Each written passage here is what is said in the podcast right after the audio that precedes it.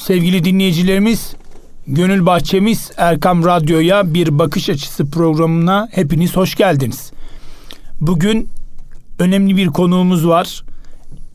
Hem büyük sevdiğimiz bir abimiz hem de e, polisiye kitaplarının önemli yazarlarından bir tanesiyle beraberiz.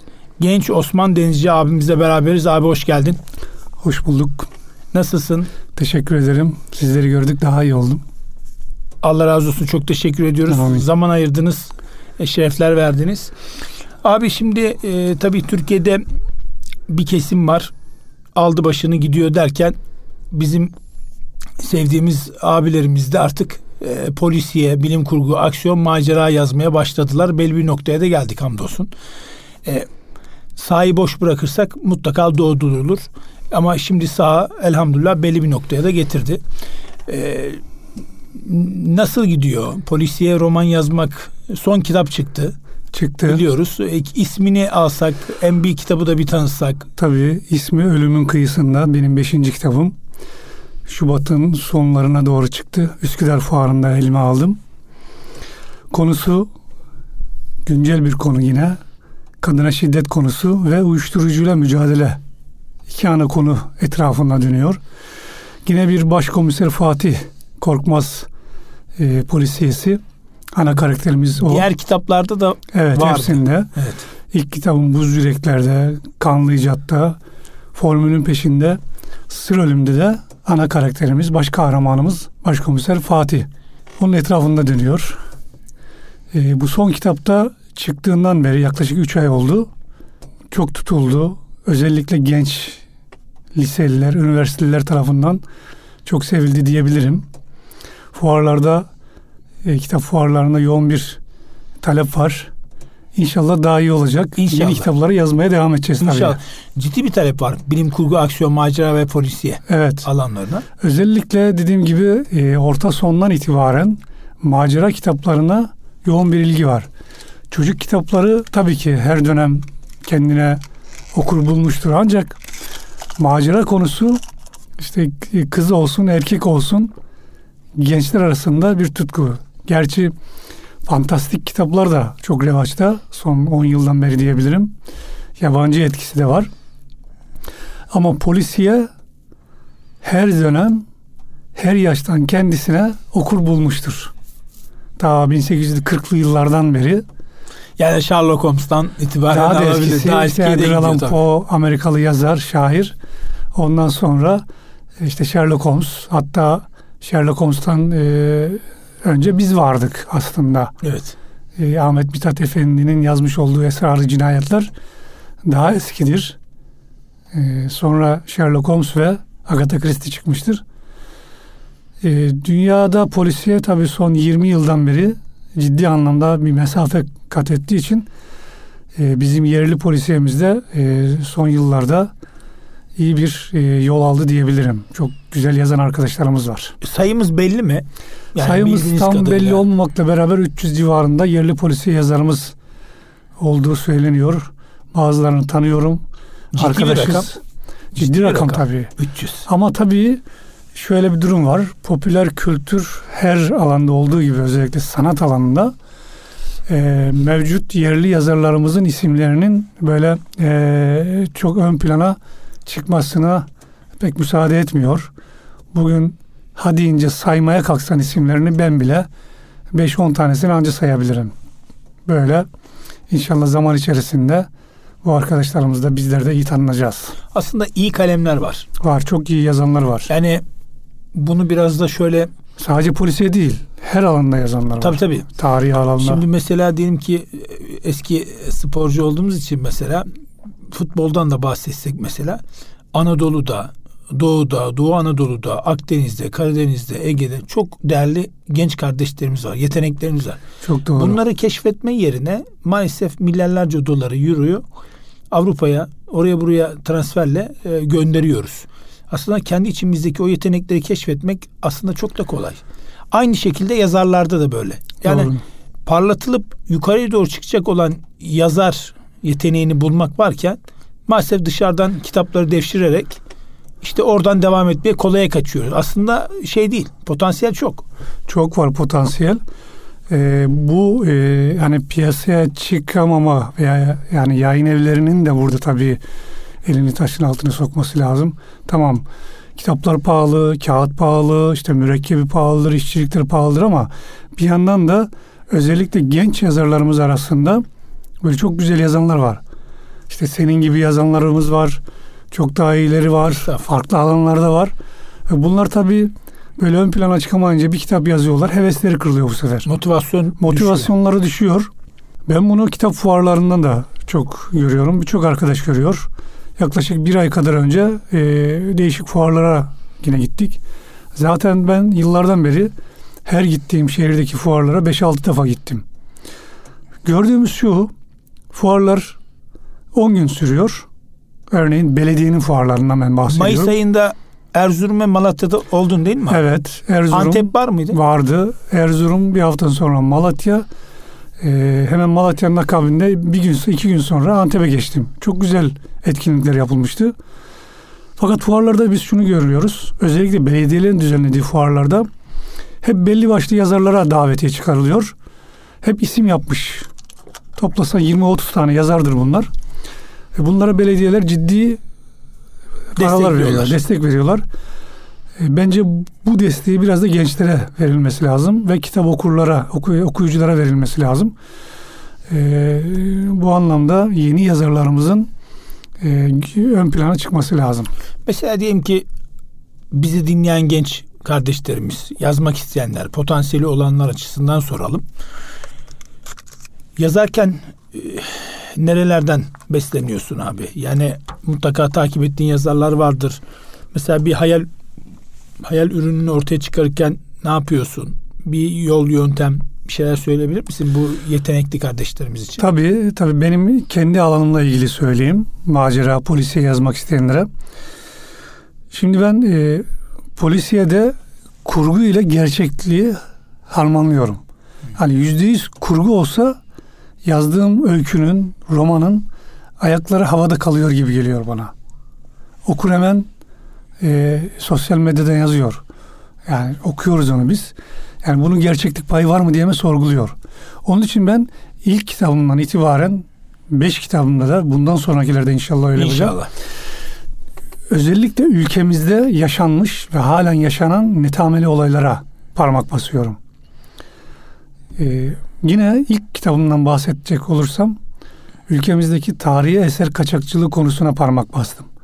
Bizim eserlerimiz 150 belki de 200 yıldan beri arkeolojik kazı adı altında maalesef çok yağmalanmıştır. Bu anlamda tarihi roman, polisiye roman daha doğrusu yazılmamıştı. Ben bu konuya el attım ve Erzurum, İstanbul'da başlayıp Erzincan'da, Erzurum, Türkiye'nin değişik şehirlerine gidiyoruz. Ve bu hala e, ayda bir görüyoruz haberlerde. İşte bilmem nerede, hangi şehirde işte define, define avcılığı yapılırken veya işte müze soyulması haberleri hep okuyoruz bunları. Veya Güncel bir işte konu. Yıllardır beklenilen işte diyelim ki İtalya'dan, İngiltere'den e, şeyimiz parçalar geri geldi. Evet bir e, gazetecinin yıllar önce röportajını dinlemiştim. Orada şunu demişti. Kendisi yurt dışına çok çıkıyormuş. Çıktığım yurt dışında diyor gidiyorum bakıyorum e, bazı tarihi müzelere işte eller var, kafa var, gövdeler yok. Ben bunu sonra sonra anladım ki Türkiye'de yapılan kazılar aslında büyük büyük heykellerin işte o zamanki hani güvenlik biraz daha bu kadar teknoloji olmadığı için insanlar e, arkeoloji kaza adı, adı altında işte koparıyor elini, heykelin veya kafasını götürüp sergiliyormuş. Türkiye'deki müzelere bakıyorum. Gövdeler var. El yok kimsinde, kafa yok kimsinde, ayak yok. Burada yani bu, götürebildiğini götürmüş. Götürebildiğini götürmüş. Gerisi kalmış. Bir profesörü de dinlemiştim. Yıllar önceydi. TRT'deydi. Demişti ki şunu tarihçi profesördü. Bugün Avrupa'daki ve Amerika'daki müzelerin, büyük müzelere bakın. Sergilemiş oldukları eserlerin yüzde doksanından fazlası Orta Doğu bölgesinden, uzak Asya'dan e, götürülüp kaçırılan eserlerden e, müteşekkildir.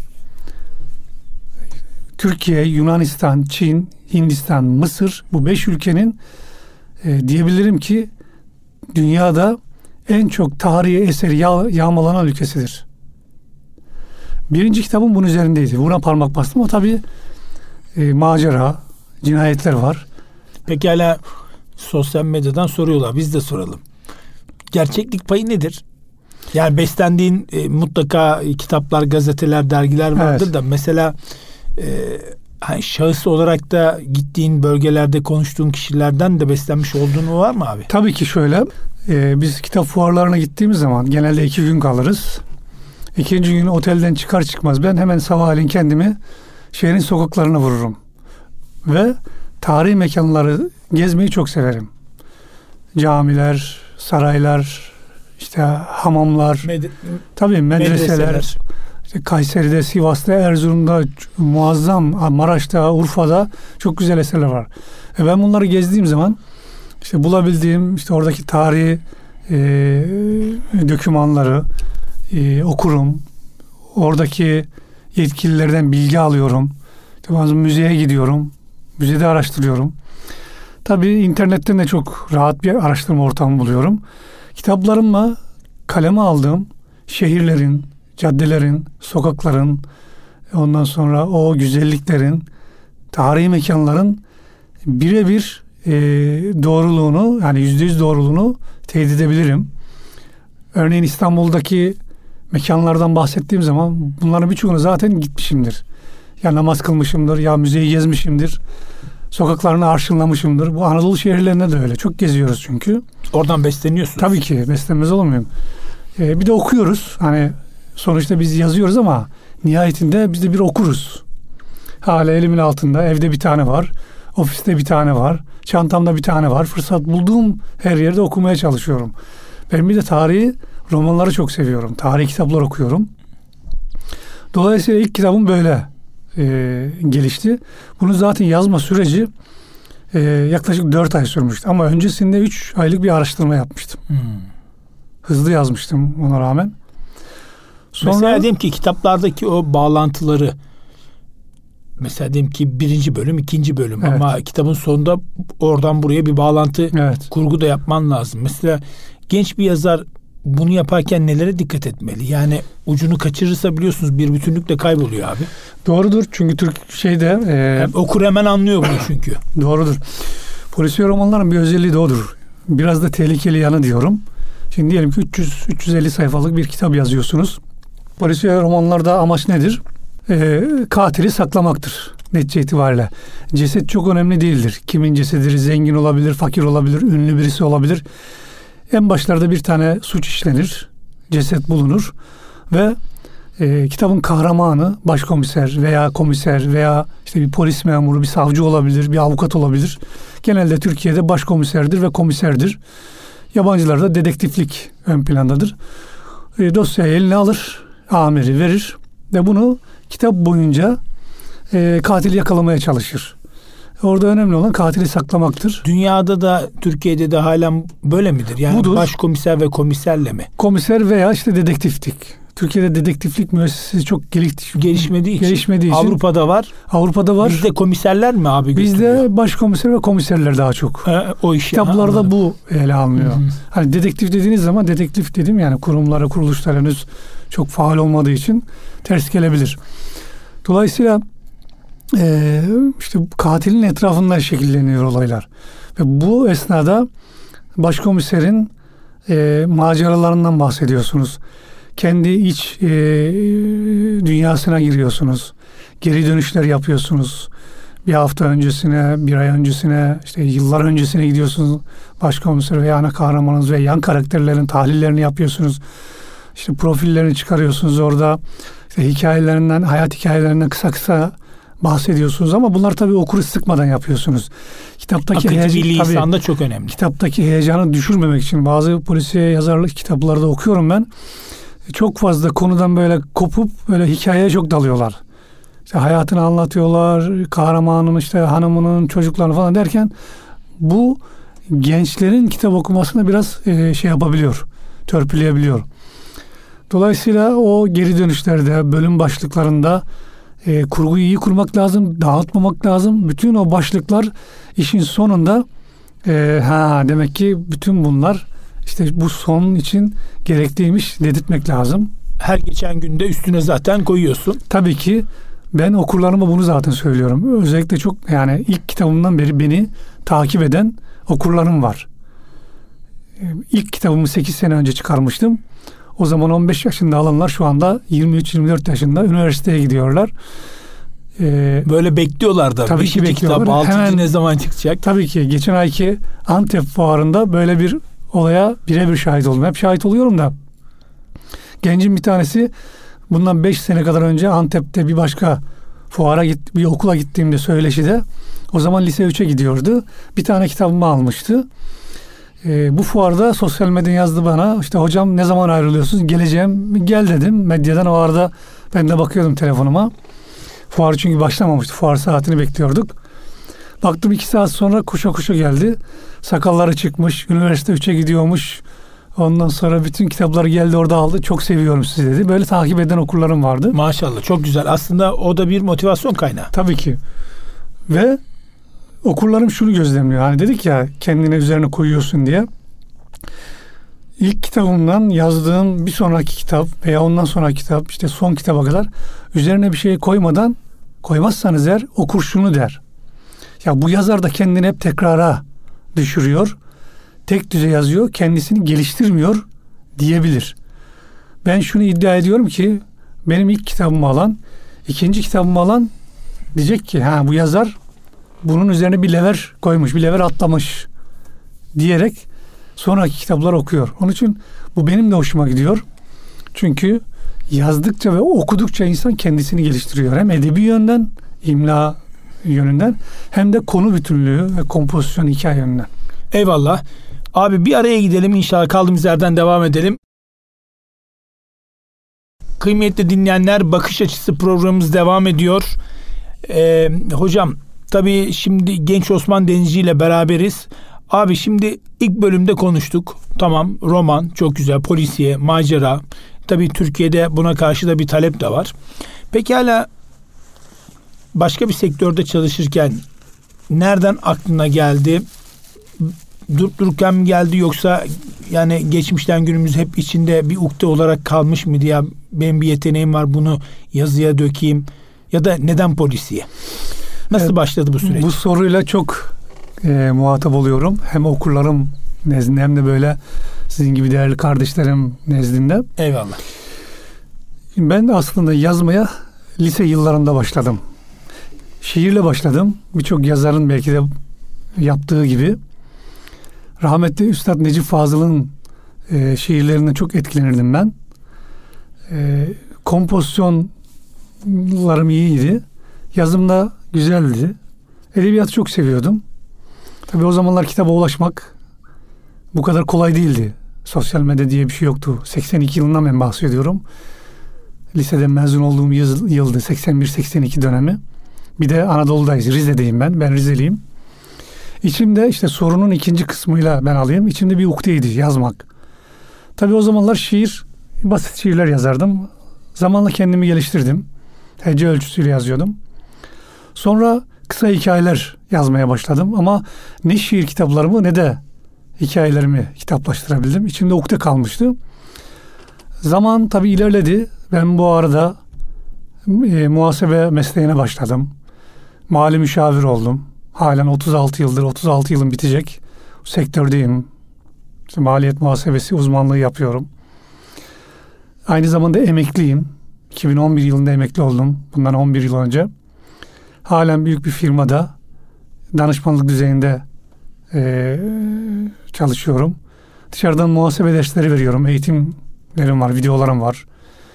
Ondan sonra fakat e, hep şu, şu soruyla karşılaşıyorum. Sizin dediğiniz gibi muhasebecilikle polisiye, edebiyat hiç ne alaka diye.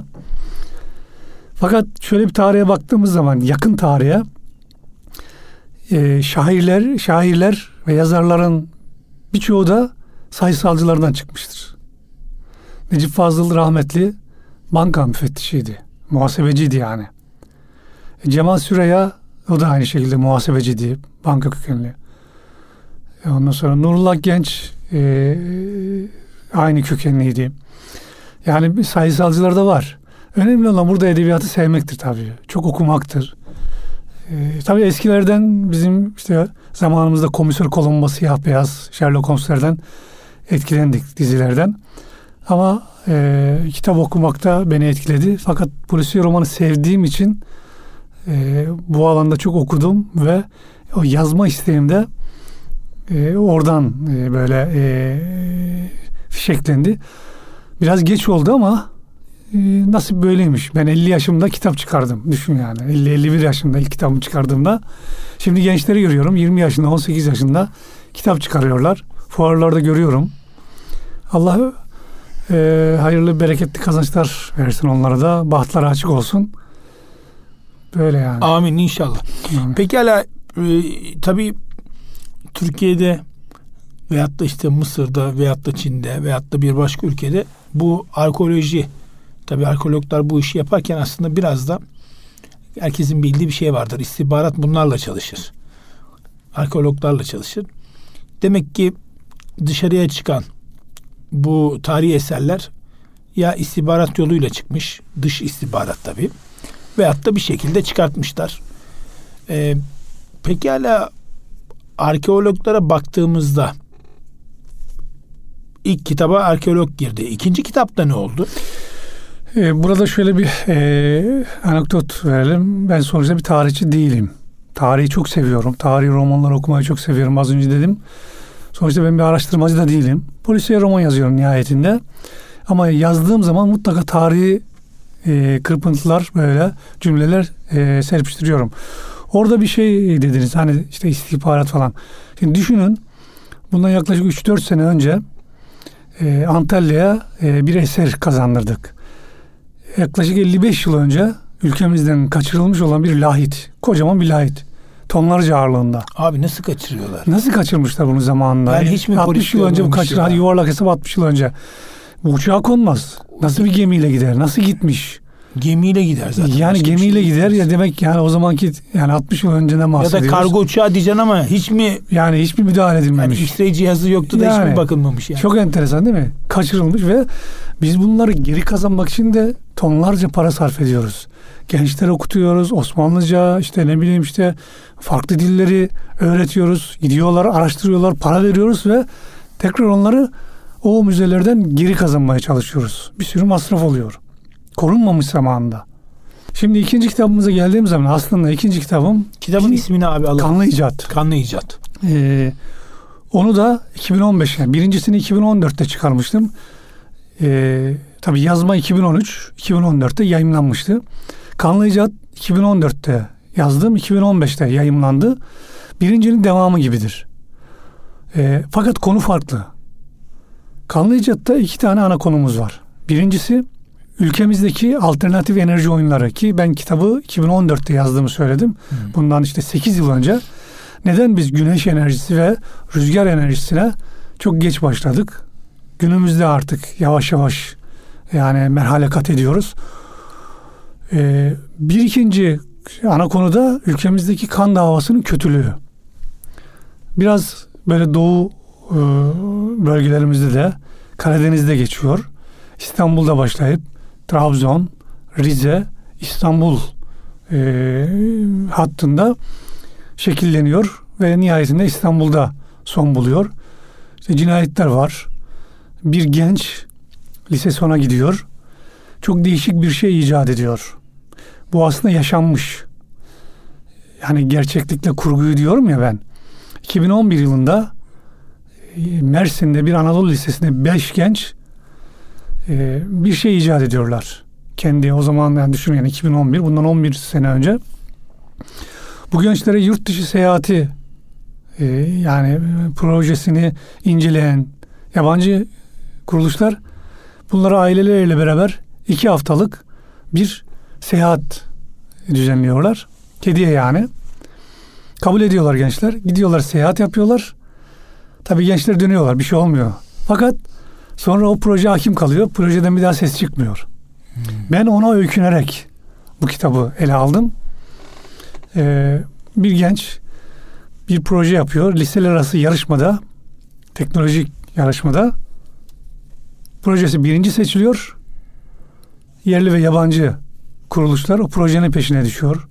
İşte o gencin aile tarafından kan davası olduğu için kan davalıları peşine düşüyor. Başkomiser Fatih de onların peşine düşüyor ve böyle kitap şekilleniyor. Baştan sona akıcı. Bu kitapta böyle. Sonrasında üçüncü kitabı kaleme aldım. 2016'da yazdım, 2017'de yayımlandı. Yani peş peşe gelmiş demek ki hem bir teveccüh var okurlardan evet. hem de bir o teveccühün karşındaki motivasyon da çok yüksek olunca tabii e, bir e, ilham kaynağı da söz konusu. Doğru. Önemli olan konuyu iyi bir konuyu bulmak lazım. Konular ben özgün e, olmasını istiyorum.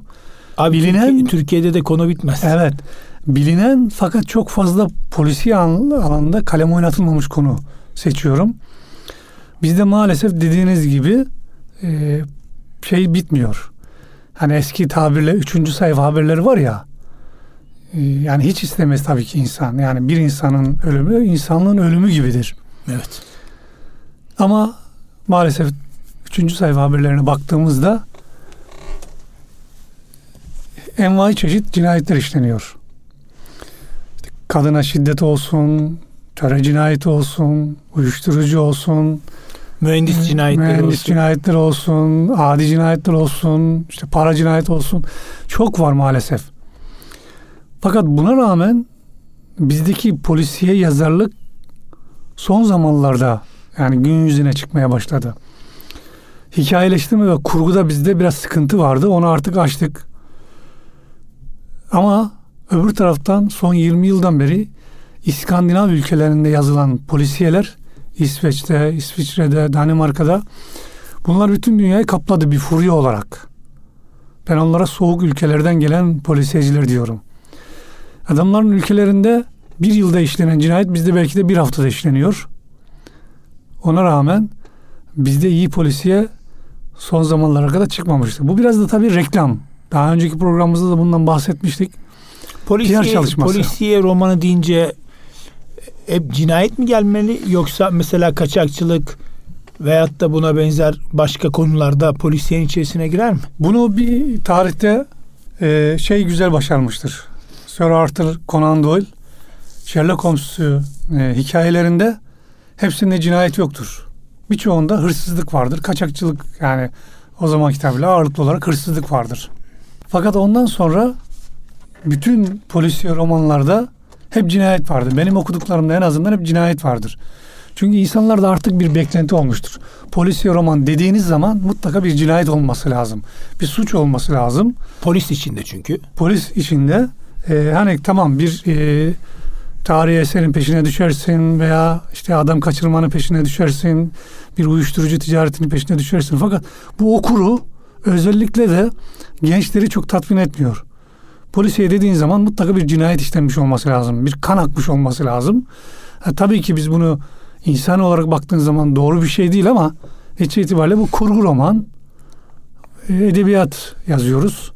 Ee, yazarın da hoşuna gidiyor bu. Okuyucunun da hoşuna gidiyor.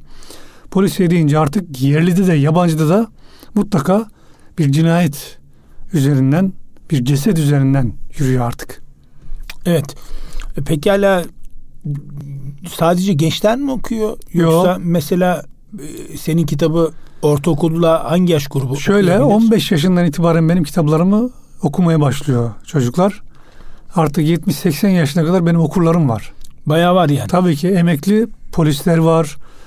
E, emekli ondan sonra avukatlar var. Halen görevde olanlar var. E, geçen gün geçen ay Antep fuarında bir profesöre imzaladım.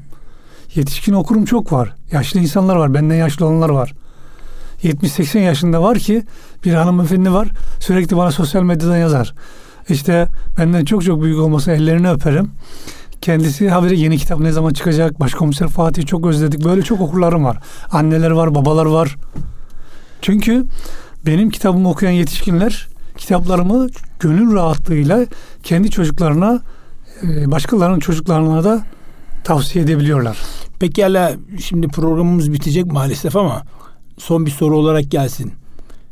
Senin romanlarınla diğer romanlar arasında neden bir e, sevgi seli oluştu? Ahlak normlarına mı dikkat ediyorsun? Yoksa polisiye romanlarında ahlak normlarına normalde dikkat edilmez mi? Dikkatimizi çekenlerden bir tanesi de bu. Evet. Şimdi şöyle e, buna artık ahlak normu mu deriz? Fakat şöyle bir durum var. Kendi kitaplarımdan ben bahsedeyim. Yani yabancılarda da okuyor, okuyoruz. Bu filmlerde, dizi filmlerde de çok işleniyor. Özellikle yabancı film, film şeyde, sektörde. E, polisiye deyince akla tamam cinayet, macera ama e, işte küfür argoda çok oluyor maalesef. Müstehcenlik de oluyor. Ama ben hep şundan tarafım. Çünkü bize eskilerimiz hep şunu öğretmişlerdir ki böyledir.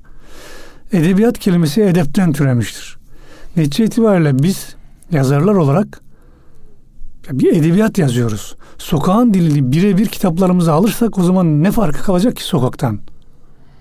Benim bu konuşmamı belki eleştirebilirler ama ben bu kulvardan vazgeçmeyeceğim. Çünkü ben kitaplarımda küfürü kullanmıyorum, argoyu kullanmıyorum, müstehcenlik kullanmıyorum. Her kesimden okurum var benim. Gencisi, yaşlısı, işte muhafazakarı, sol kesimi. Çünkü ya bir olayı anlatıyorum ben. Herkese hitap ediyor. Herkese hitap ediyor. Onun için biz sonuçta Anadolu'da yaşıyoruz. Bu toplumun değerleriyle bana göre bir yazar yaşamış olduğu, içerisinde yaşadığı toplumun değerleriyle barışık olmak zorundadır. Tamam eleştirel bakacak. İdareyi eleştirecek, etrafını eleştirecek. Ama netice itibariyle yaşadığı toplumun değerleri vardır. Bunlarla barışık olacak ki eserleri de çok tutulsun. Evet. Abi çok teşekkür ediyorum. Rica ederim. Ee, ben teşekkür zaman ediyorum ayırdın. ağırladığınız için. Allah razı olsun şeref verdin. Önümüzdeki haftayı da inşallah yine devam edeceğiz sevgili dinleyicilerimiz. Çünkü dördüncü ve beşinci kitabı da konuşacağız. Hatta altıncı kitabı konuşacağız. Ee, Genç Osman Denizci abimizle beraber. Önümüzdeki hafta aynı gün ve saatte tekrar görüşmek ümidi ve duasıyla Allah'a emanet olunuz.